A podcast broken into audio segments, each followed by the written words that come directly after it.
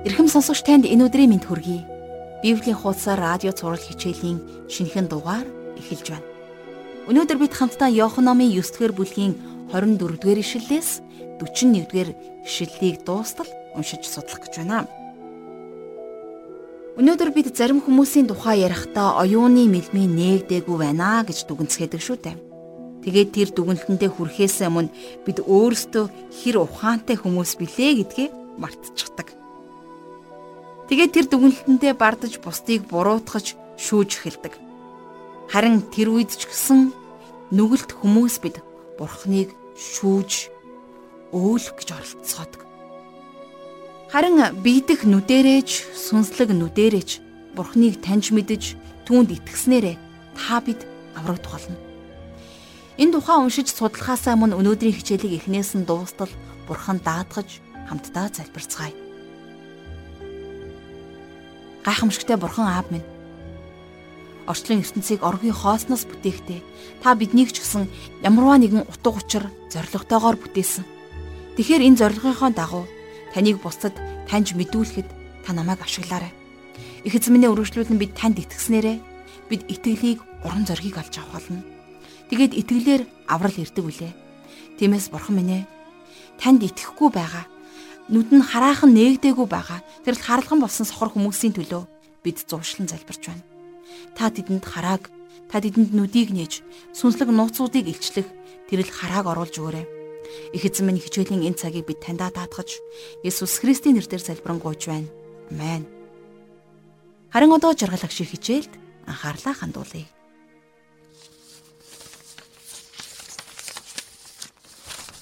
За тэгэхээр өнөөдрийнхөө хичээлийг Иохны сайн мэдээ номны 9-р бүлгийн 24-р ишлэлээс эхэлцгээе.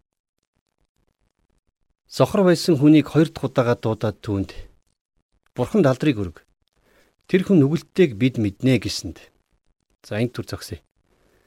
Тэгэхээр өмнөх хичээлээрээ бид Есүс нэгэн сохор хүнийг хэрхэн эдгээсэн тухай түүхийн зах зухаас нь судалж эхэлсэн. Тэгэхээр евдээчүүд одоо эхнийхээ нотлохоор очиж байна. Тэд нэр Есүсийг гим нүгэлттэй байсан гэдгийг батлах гэж оролдож байна. За хамгийн гол шалтгаан нь юу байсан гэхлээр Есүс амралтын өдрийг сахиагүй. Тэм учраас түүнд алдрыг битгий өг. Бурхан алдрыг өгөө гэж хэлж байна. За мэдээж энэ сайхан сүсэг бишрэлтэй сонсогдох нь лавтай.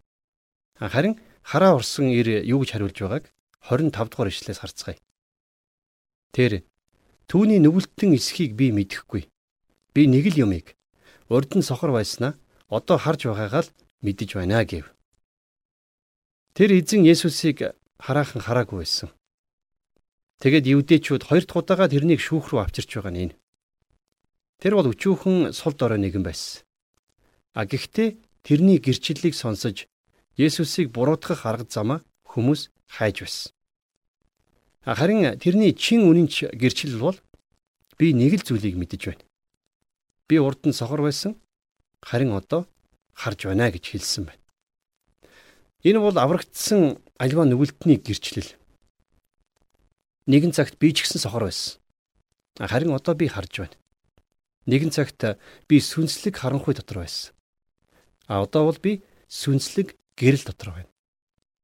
Нэгэн цагт би Христийг огт мэддэггүй байсан. А одоо бол би түүнийг өөрийн аврагч гэдгийг мэддэг.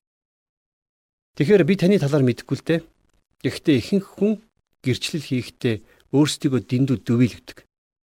Тэд нэр гэрчлэлдээ Христийг бараг дурддаггүй. Харин Бурхны сонсохыг хүсдэг альва гэрчлэлийн маш чухал хэсэг бол нэгэн цагт би сохор байсан. Харин одоо харж байна гэсэн энэ үг юм. А тэгтэл харин фарисеучуд тэр хүний хэлснийг үгүйсгэж. За 26 дугаар ишлэл дээр тэд түүнээс тэр чамд юуг үйлдсэн юм бэ? Тэр чиний нүдийг яаж нээсэн бэ гэж асуухад за тэд нар өчүүхэн ч гэсэн за жаахан ч гэсэн буруу за шалтгааныг олохыг хичээж байна. Тэд нар энийг зүгээр орхиж чадахгүй. Учир нь тэр хүн тэнд байсаарлаа байсан. Тэр харж чадаж байна. За 27-оос 28 дугаар ишлэлдэр би та нарт хэдийг хэлсэн. Та нар сонсоогүй. Юунд та нар дахин сонсохыг хүсв? Та нар бас түүний дагалдагч болохыг хүсэж байгаа юм биш үү? гэв. Фарисеучуд түүнийг хараан зүхэж "Чи л түүний дагалдагч байна. Харин бид Мосегийн дагалдагчид. За харин сохор байсан хүн тэдний хийж байгаа тэр зүйлийг за нэг үгээр хэлэх юм бол тэдний санааг нь ойлгож эхэлсэн. За тэгээд тэд нараар багахан тохуурхдаг. Та нар бас тэрний дагалдагч нар болох уу гэж. Тэгэхээр түүний хийсэн энэ ажиглалт болвол үнэхээр сонирхолтой. Та нар энийг дахиад сонсох уу гэсэн асуулт. Фарисеучуд ертөнцийн гэрлийг харж чадахгүй сохор байгаа зогсоогүй. Тэд нар бас сонсож чадахгүй дүлий байна гэдгийг тэр хүн ажигласан байна. За 29-оос 34 дугаар эшлэлдэр Бурхан Мосед айлдсныг бид мэднэ. Харин энэ хүний хувьд бид түүний хаанаас ирснийг нь мэдэхгүй гэсэнд өнөөх хүн. Тэр миний нүдийг нээсэн байтал та нар түүнийг хаанаас ирснийг нь мэдэхгүй байгаа нь гайхалтай юм байна. Бурхан нүгэлтнүүдийг сонсдоггүй харин Бурханаас имэж түүний хүслийг үйлдэгч хүнийг сонсдгийг бид мэднэ. Цаг хугацааны эхлэлээс хойш төрөлхийн сохор хүний нүдийг нээснийг хинч хизээж сонсоогүй. Хэрв энэ хүн Бурханаас ирээгүй бол тэр юу ч чадахгүй байсан гэж хэллээ. Тэд чи нүглүүд дотроо төрсөн атлаа бас биднийг сургано гэд түүнийг хөөн гаргав. За нэг бодлын хошин шогч юм шиг. Тэр хүний тухуурхлын хариуд шашны удирдагч нар тэр хүнийг доромжилсан. Тэгэхээр хүмүүст хариулт байхгүй гацх үедээ тэд нэр доог тохуу хийдэг болохыг бид нэр өмнөх хичээлүүдээс үзсэн. За санамсаргүйгээр тэд нэр хараа орсон сохор хүнийг бурхнаас ирсэн хүн л ийм гайхамшигыг хийж чадна гихт үгнэлт рүү айжмар хүргэсэн байна. Тэр эдгэрсэн нь эргэлзэх зөвлөгөө. Тиймээс энэ хүн бурхнаас ирсэн байх ёстой.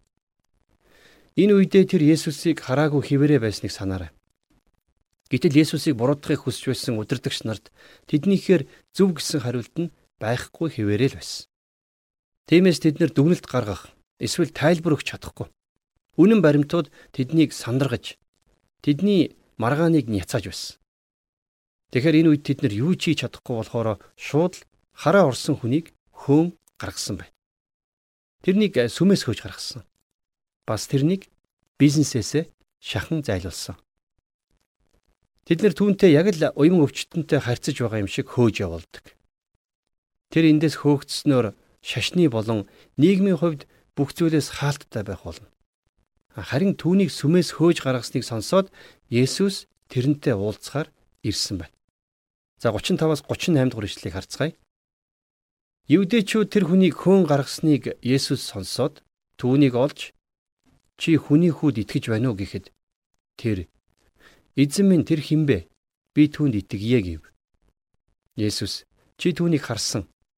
Одоо чамтай ярьж байгаа нь тэр мөн гэлээ. Тэр эзэн минь би итгэж байна гэд түүнд мөргөв. Энэ хүн эзэн Есүсийг хамгаалсан учраас эзэн Есүс одоо түүн дээр ирсэн. Тэр маргаанд ялсан ч шашны удирдагч нарт хөөгдсөн. Эзэн Есүс түүн рүү ирдэг нь үнэхээр гайхалтай. Энэ бол хүний зүрх сэтгэлийг хайгч Есүсийн мөн чанар. Эзэн энэ хүнийг бэлтгэсэн байсан. Одоо тэр хүн итгэлээ харин Бурхны хүүд өгч байна. Бидний эзэн одоо түүн рүү ирээд чи Бурхны хүүд итгэж байна уу гэж асуусан. Түүний туулсан зүйлсээр түүний итгэл хүчрхэгжиж тэрний бодол тодорхой болсон. Эзэн тэрнийг энэ эцсийн алхамд бэлэн байгааг мэдэж байгаа. Энэ хүн үнэхээр нээлттэй, шудраг, шин сэтгэлээсээ байгааг та харлаа. Тэр Бурхны хүү гэж хинбэ гэж шууд асуусан.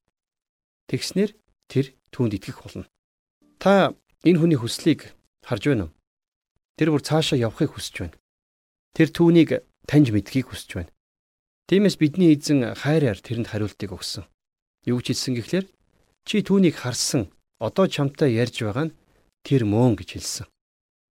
Харин тэр хүн түүнд итгэж Есүсийг хүндлэн мөргсөн гэж дээр бичсэн байна. Тэгэхээр биш үү энэ бол Бурхны үгэн дэх итгэлийн хамгийн гайхамшигтай за хамгийн сайхан тохиолдлуудын нэг байгаа юм.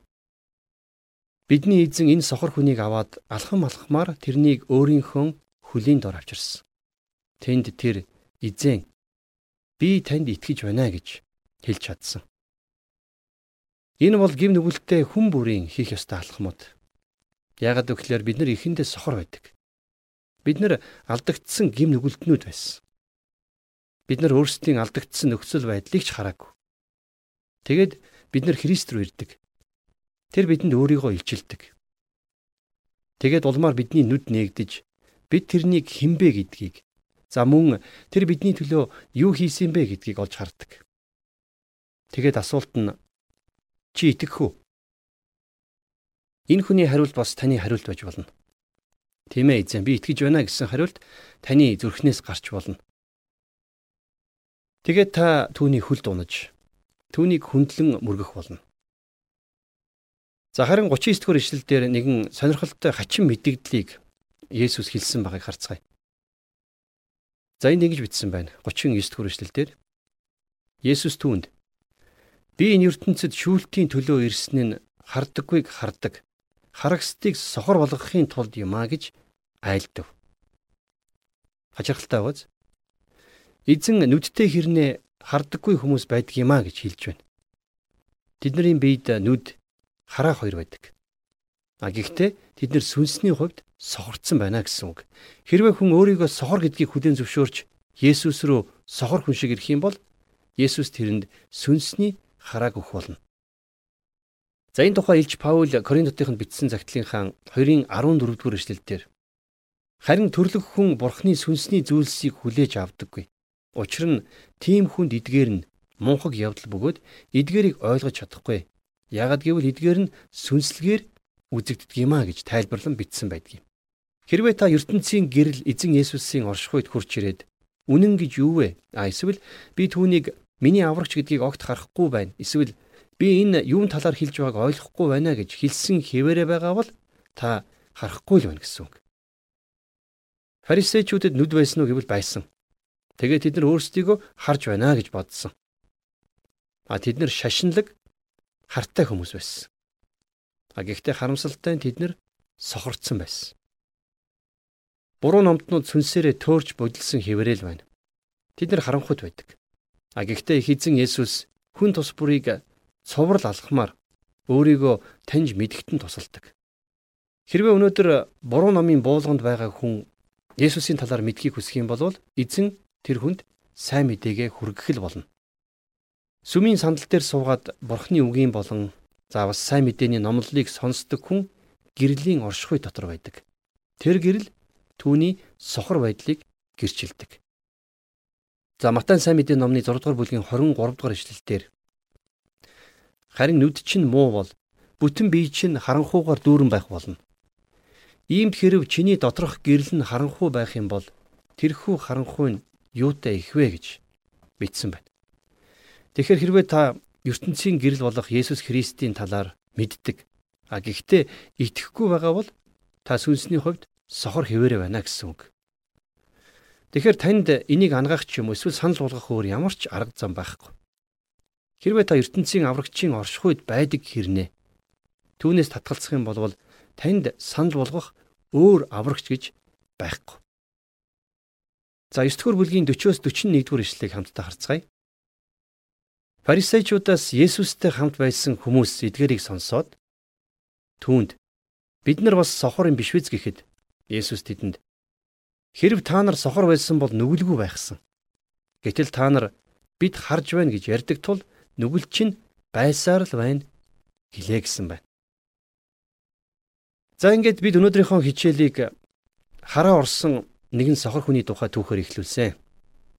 Тэр хүн боддоорч, сүнслэгэрч аль альнаар нь одоо хардаг болсон. А харин одоо аимшигтай эмгэнэлттэй сохор шашны удирдагч нараар энхүү бүлэг дуусч байна. Тэд нэр өөрсдийгөө харж чадаж байна гэж бодсон боловч тэд нар үнэндээ сүнсний хувьд хараагүй сохор болцсон байсан. Тэгэд Христийн оршихуйд за гэрлийн дотор Бурхны илчлэлтийн оршихуйд тэд нэр гим нүгэлгүй гэж өөрсдийгөө хаацалсан байна. Тэгэхээр өнөөдрийн нийгэмд ягшмал хүмүүс бол бурхангүй үзэлтнүүд болоод дахин шүтгэжд. Тэд өөрсдийгөө хардаа гэж хэлдэг. Тэд өөрсдийгөө бас мэддэг гэж ярьдаг. Гэхдээ тэд харлган болсон нэгэн. Тэд юу ч бурхны оршихуугаар таньж мдээгүй хിവэрэ байгаа хүмүүс. Тэд эзэн Есүс Христийг үгүйсгдэг. Тиймээс тэдний гим нүгэл нь үлддэг. Тэд хараагүй хүмүүс шиг цагаан таяг тулаад нохоогоор хүтэж хийд явдаггүй ч гэсэн тэд сүнслэг нууцуудыг мэддэггүй бас хараагүй хүмүүс юм. Харин та хоёр сонголтын энэ хоёр хүний аль нь вэ? Сүнсээрээч, нүдэрээч хараатай нэг нь үү? А эсвэл нүдэрээ хардаг хэрнээ сүнсээрээ харанхуун дунд тинүүчлэгч үү? Бурхныг мэддэг хэрнээ түүнд итгэдэггүй хэн боловч хараагүй нэгэн юм а гэж бурхан хэлсэн байдаг. Тиймээс өнөөдрийн хичээлээс ухаж ойлгосон тэр зүйлийг өөрөөсөө асууж бурхнаас тэр сүнсний харааг авцгаая. Энэ бүгдийг бурхан даатгаж өнөөдрийн хичээлийнхаа төлөө хамтдаа талархаж залбирцгаая. Бурхан аав минь би таньда талархаж байна. Бидний гим нүглийг уучлж биднийг өөрийнхөө үг болон ариун сүнсээрээ ивэж та бидний сүнслэг нүдийг тийхүү хараа оруулаач гэж бид залбирч байна. Таныг хүлээн авч хараа ороогүй байгаа тэдгээр хүмүүсийн төлөө бид бас зуучлан залбирч байна. Их эзэн минь та энэ дэлхий дээр сүнсээрээ хараагүй байгаа тэр олон сая хүний нүдийг та гэрэлтүүлэн гийгүүлээч. Тэдэнд өөрийнхөө үгийг хүргэхэд та биднийг ашиглаарай. Бид таны үйлчлэлд ор нэгдэж бид бас тэрхүү үйлчлэлийнхээ үр жимсээр таныг алдаршуулж гэрчилж амьдрахыг хүсэж байна. Та биднийг хамтд нь хэрэглээрэй. Их эзэн минь би танд ам амьдралаа, оюун бодлоо, зүрх сэтгэлээ бүхий л зүйлсээ тань даатгаж Иесус Христийн нэрээр залбирanгуйж байна.